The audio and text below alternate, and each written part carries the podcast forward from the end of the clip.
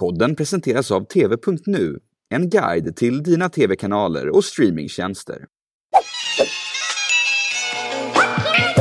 Hej hörni! Välkomna till en fantastisk video om jag får säga det själv. Det är idag tisdag. Jag gick upp i tid hörni. Jag har ju sagt till mig själv, jag vet inte hur många år. Bianca, gå och lägg dig så att du sover när klockan är 12. Så att du kan gå upp klockan 6 i tid. Bianca Ingrosso är idag en av Sveriges största influencers med över 1,2 miljoner följare på Instagram och nära 400 000 följare på Youtube. 2018 så vann hon tillsammans med sin mamma Pernilla Wahlgren tv-priset Kristallen för årets tv-personlighet. Och samma år, 2018, så började hon även driva egna sminkföretaget Kaja Cosmetics. Ett företag som snabbt blivit en kassako med flera miljoner i omsättning. Under förra sommaren så sålde hon en del av sin andel i bolaget för över 70 miljoner kronor. Bianca Ingrosso är många företags drömpartner. Med sina följare i sociala medier kan hon påverka miljoner och det är svårt att ta en shoppingrunda på stan utan att mötas av influencerns ansikte. Häromveckan så blev det känt att Bianca Ingrosso verkar satsa på e-handel. I nyregistrerade företaget Anywho AB på Bolagsverket så återfinns hon nu som styrelseledamot. Och även om inget ännu är helt bekräftat så lutar det åt att företaget kommer rikta in sig på att sälja mode och accessoarer på nätet. Men hon är inte ensam. Flera influencers som till exempel Ida Warg och Matilda Djerf finns redan etablerade med sina märken. Så varför är det en grej att en influencer och entreprenör som Bianca Ingrosso börjar med e-handel? Vad kan det betyda för marknaden om följarna väljer att handla hos henne istället för på klassiska handelsplatser på nätet? Och hur fort skulle det gå för den här typen av e-handel att etablera sig? Allt det här och lite till i det här avsnittet av Aftonbladet Daily. Jag heter Jenny Ågren.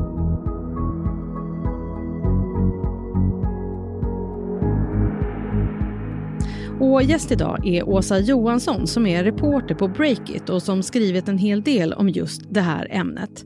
Hon får börja med att förklara vad det här innebär för marknaden. Det kan innebära att marknaden får en ny potentiell utmanare, men inte vilken utmanare som helst, utan en som har en stor skara med följare på sociala medier, 1,2 miljoner på Instagram. Och Det betyder att det är en utmanare som redan är ett väldigt starkt varumärke och som redan har sina kunder redo de står och väntar. Och att en så stor influencer som Bianca Ingrosso kliver in i ett, och kanske till och med är medgrundare i ett nytt bolag, är ett typexempel på hur det nya näringslivet och då nya makthavare tar för sig av marknaden och roffar åt sig konsumenter. Har man sett det här någon gång förut? Liksom, för det känns som att det är lite nytt ändå att de roffar åt sig på marknaden. Ja, alltså det finns ju flera exempel. Eh, Bianca har ju redan sitt sminkbolag, mm. Kaja Cosmetics, där hon är medgrundare och fortfarande delägare. Och sen finns det ju flera andra influencers som också har startat bolag där de säljer, exempelvis så finns eh, Matilda Järf, hon har en, ett e-handelsbolag där hon säljer kläder. Och sen har vi också Ida Warg och hon säljer då eh, skönhetsprodukter, men hon har ingen egen e-handel endast, utan hon säljer också exempelvis via återförsäljare både i butik och eh, ja, andra e-handelsaktörer. Mm. Då undrar jag så här nu, eh, bör stora kedjor vara nervösa över att influencers liksom skapar, skapar egna bolag som satsar på e-handel? Ja, faktiskt, eller i alla fall till en viss grad.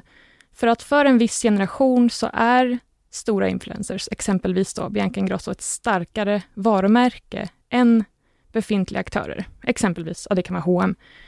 Um, och det kan ju innebära i sin tur att, att etablerade aktörer kanske inte längre kan samarbeta med influencers om de skulle bli konkurrenter. Och ett, ett bra exempel på hur viktiga samarbeten med influencers kan vara, det var exempelvis tidigare höstas när klädsajten Nelly.com gjorde ett samarbete med just Ingrosso.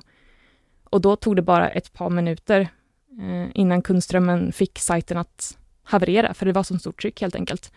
Och i samma veva så berättade Nelly att man räknade helt enkelt med en stor försäljning tillsammans med ett så stort namn som Bianca Ingrosso.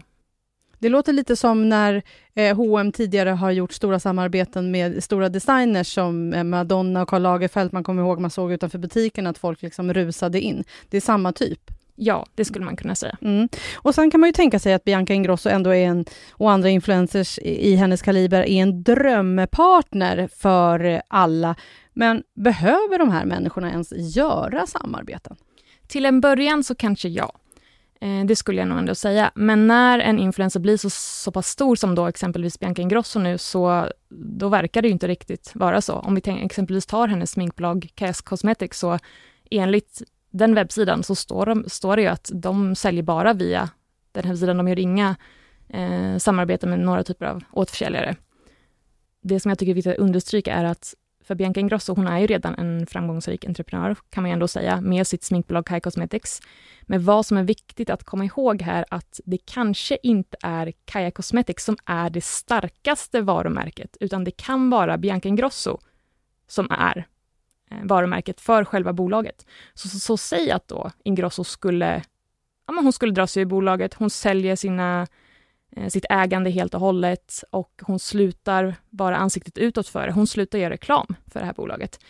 Vad skulle hända då? Skulle det fortfarande vara ett lika starkt varumärke?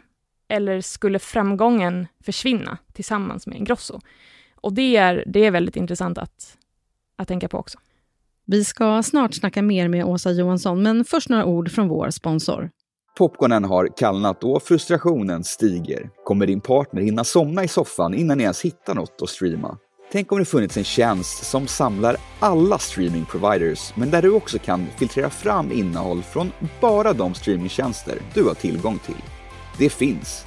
TV.nu guidar inte bara till TV-tablån utan till all streaming och sorterar det effektivt på år, genre och IMDB-betyg.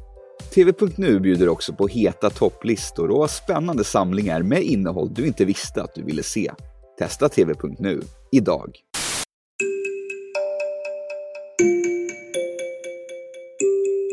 Så där, då är vi tillbaka i Aftonbladet Daily igen.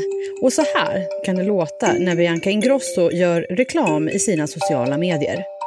Jag måste ju berätta för er om Amins nya lojalitetsprogram. Det går att hitta nere i eh, länken i beskrivningen men även på deras hemsida. Det här är lite som en klubb där du kan samla poäng som att du kan lösa emot rabatter och massa annat. Här är liksom allting du kan göra med den här Dream Club som det heter. Det är helt gratis att gå med. Ja, Bianca Ingrosso verkar alltså ligga i startgroparna för att starta upp sitt eget e-handelsbolag. Men många aktörer ser henne som en riktig drömpartner med sina miljoner följare i sociala medier. När influencers tar andelar av marknaden så behöver de inte stora samarbetspartner i samma utsträckning längre. Så vad kan det betyda för etablerade märken och företag att de inte längre har tillgång till den här typen av influencers? Vi hör Åsa Johansson på Breakit igen. Ehm, det är ju så att framförallt så syns ju bolagen i fråga på influencers sociala medier när de samarbetar. Och har en influencer som Bianca Ingrosso 1,2 miljoner följare på, på Instagram och hon säger då nej att hon gillar ett visst plagg från en viss aktör. Ehm, då är det bara att gratulera till det bolag som hon marknadsför. Ehm,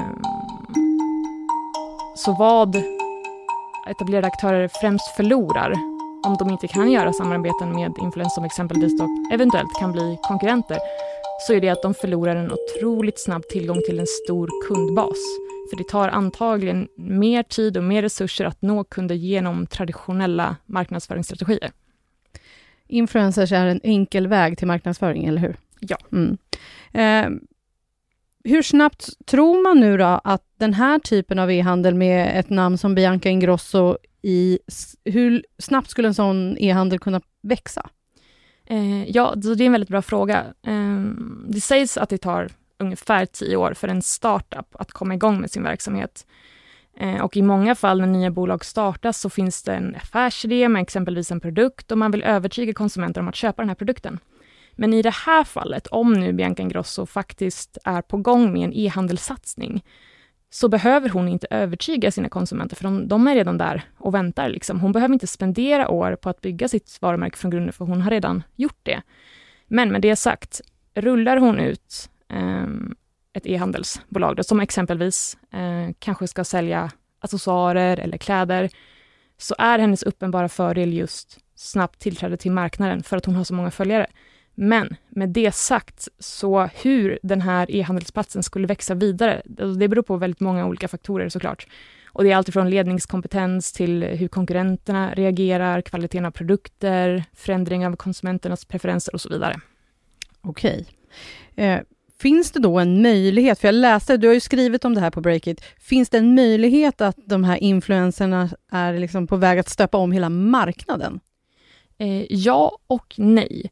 Eh, samtidigt skulle jag ändå säga. Eh, om Ingrosso nu är på väg att lansera ett e-handelsbolag som säljer mode, så, så, så alltså det kan bli en hype, det kan mm. skaka marknaden till en början eh, och det kan få konkurrenterna att reagera. Men sen beror det också på om hon lyckas slå igenom och andra influencers ser att det här var ju väldigt framgångsrikt, då kanske de gör samma sak. Då tror jag att det kan ge huvudvärk till redan befintliga aktörer. Vad tror du kommer hända med det här nu då, framöver? För det är ju fortfarande lite spekulativt i om det är så att det är ett e-handelsbolag som det hon faktiskt har gått in i här. Ja, det är eh, lite spekulativt, det stämmer. Eh, nej, men det ska bli jättespännande att se att om hennes team nu storsatsar, hon och hennes team ska säga, storsatsar eh, på e-handel, så kan det absolut få etablerade aktörer att eh, agera.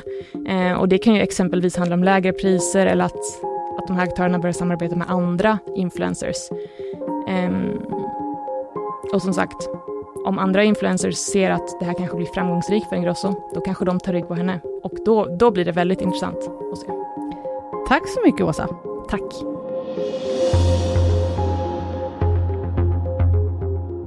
Sist här hörde vi Åsa Johansson som är reporter på Breakit. Jag heter Jenny Ågren och du har lyssnat på Aftonbladet Daily.